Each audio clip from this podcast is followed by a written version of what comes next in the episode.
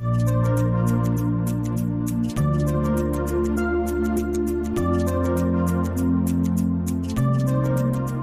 filmen skal gi deg en kort introduksjon til Utdanningsdirektoratets kartleggingsverktøy i grunnleggende norsk. Hvem er verktøyet ment for, og hva skal det brukes til? Du får også bli med inn i verktøyet for å se hva det inneholder, og hvordan det fungerer.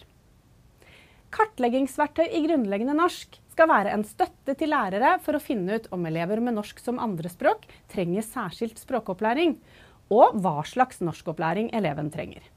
Dette er ikke en screeningtest som skal utføres på et stort antall elever på et gitt tidspunkt.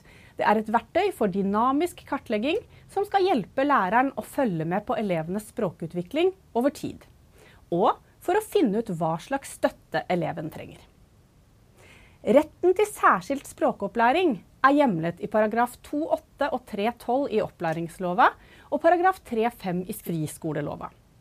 Ifølge paragrafen har elever med annet morsmål enn norsk og samisk rett til særskilt språkopplæring til de har tilstrekkelig dugleik i norsk til å følge den vanlige opplæringa.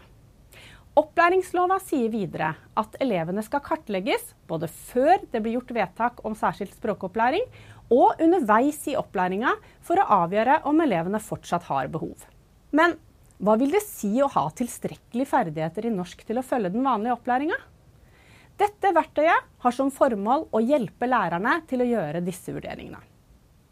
Målet på sikt er at eleven skal kunne så godt norsk at det kan fungere som et redskap for læring i alle fagene de møter i skolen. Å kunne delta i opplæringen med utbytte stiller en del krav til språkferdigheter. Dette er utgangspunktet for kartleggingsverktøyet. Men hva menes med å følge den vanlige opplæringen? Betyr det at en elev går over fra et innføringstilbud til vanlig klasse? Nei. Mange elever har vedtak om særskilt språkopplæring selv om de går i en vanlig klasse. Handler det om å klare seg helt på egen hånd uten støtte fra lærer? Nei. I dette tilfellet betyr å følge den vanlige opplæringen at eleven ikke lenger har krav på enkeltvedtak om særskilt språkopplæring. Det betyr ikke at hen er utlært og ikke lenger skal kunne trenge støtte, men at den støtten eleven har behov for, ikke er større enn at den kan skje gjennom den tilpassede opplæringen som alle elever i norsk skole har krav på.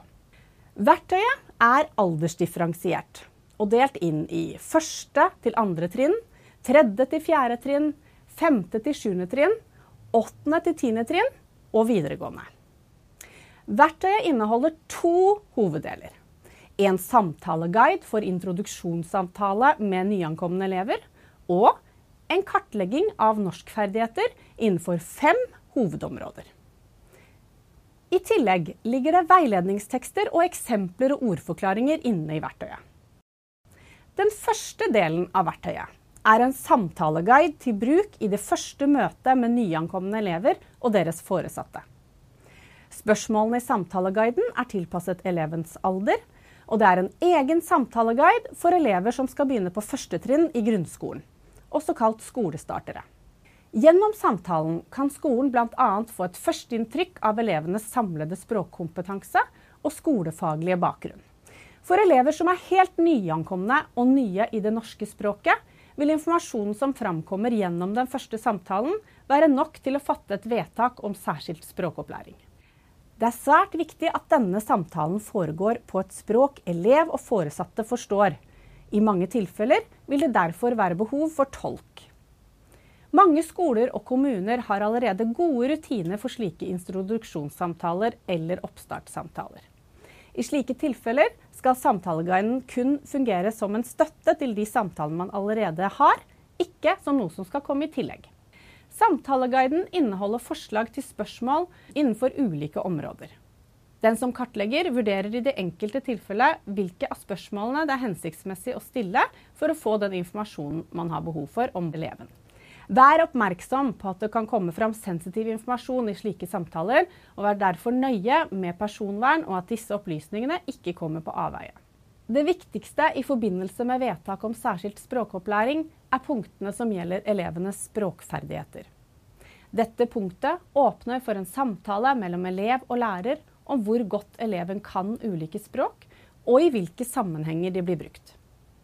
Denne informasjonen vil være nyttig for skolen for å kunne benytte elevenes språkferdigheter som en ressurs i den videre opplæringen.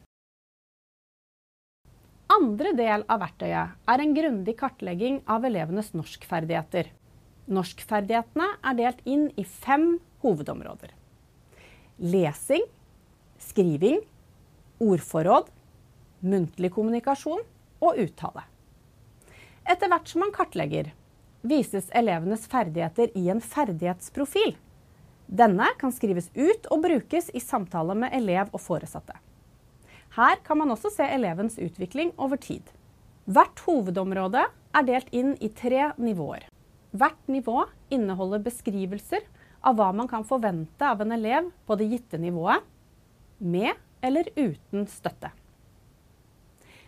Det ligger også eksempler og ordforklaringer inne i verktøyet.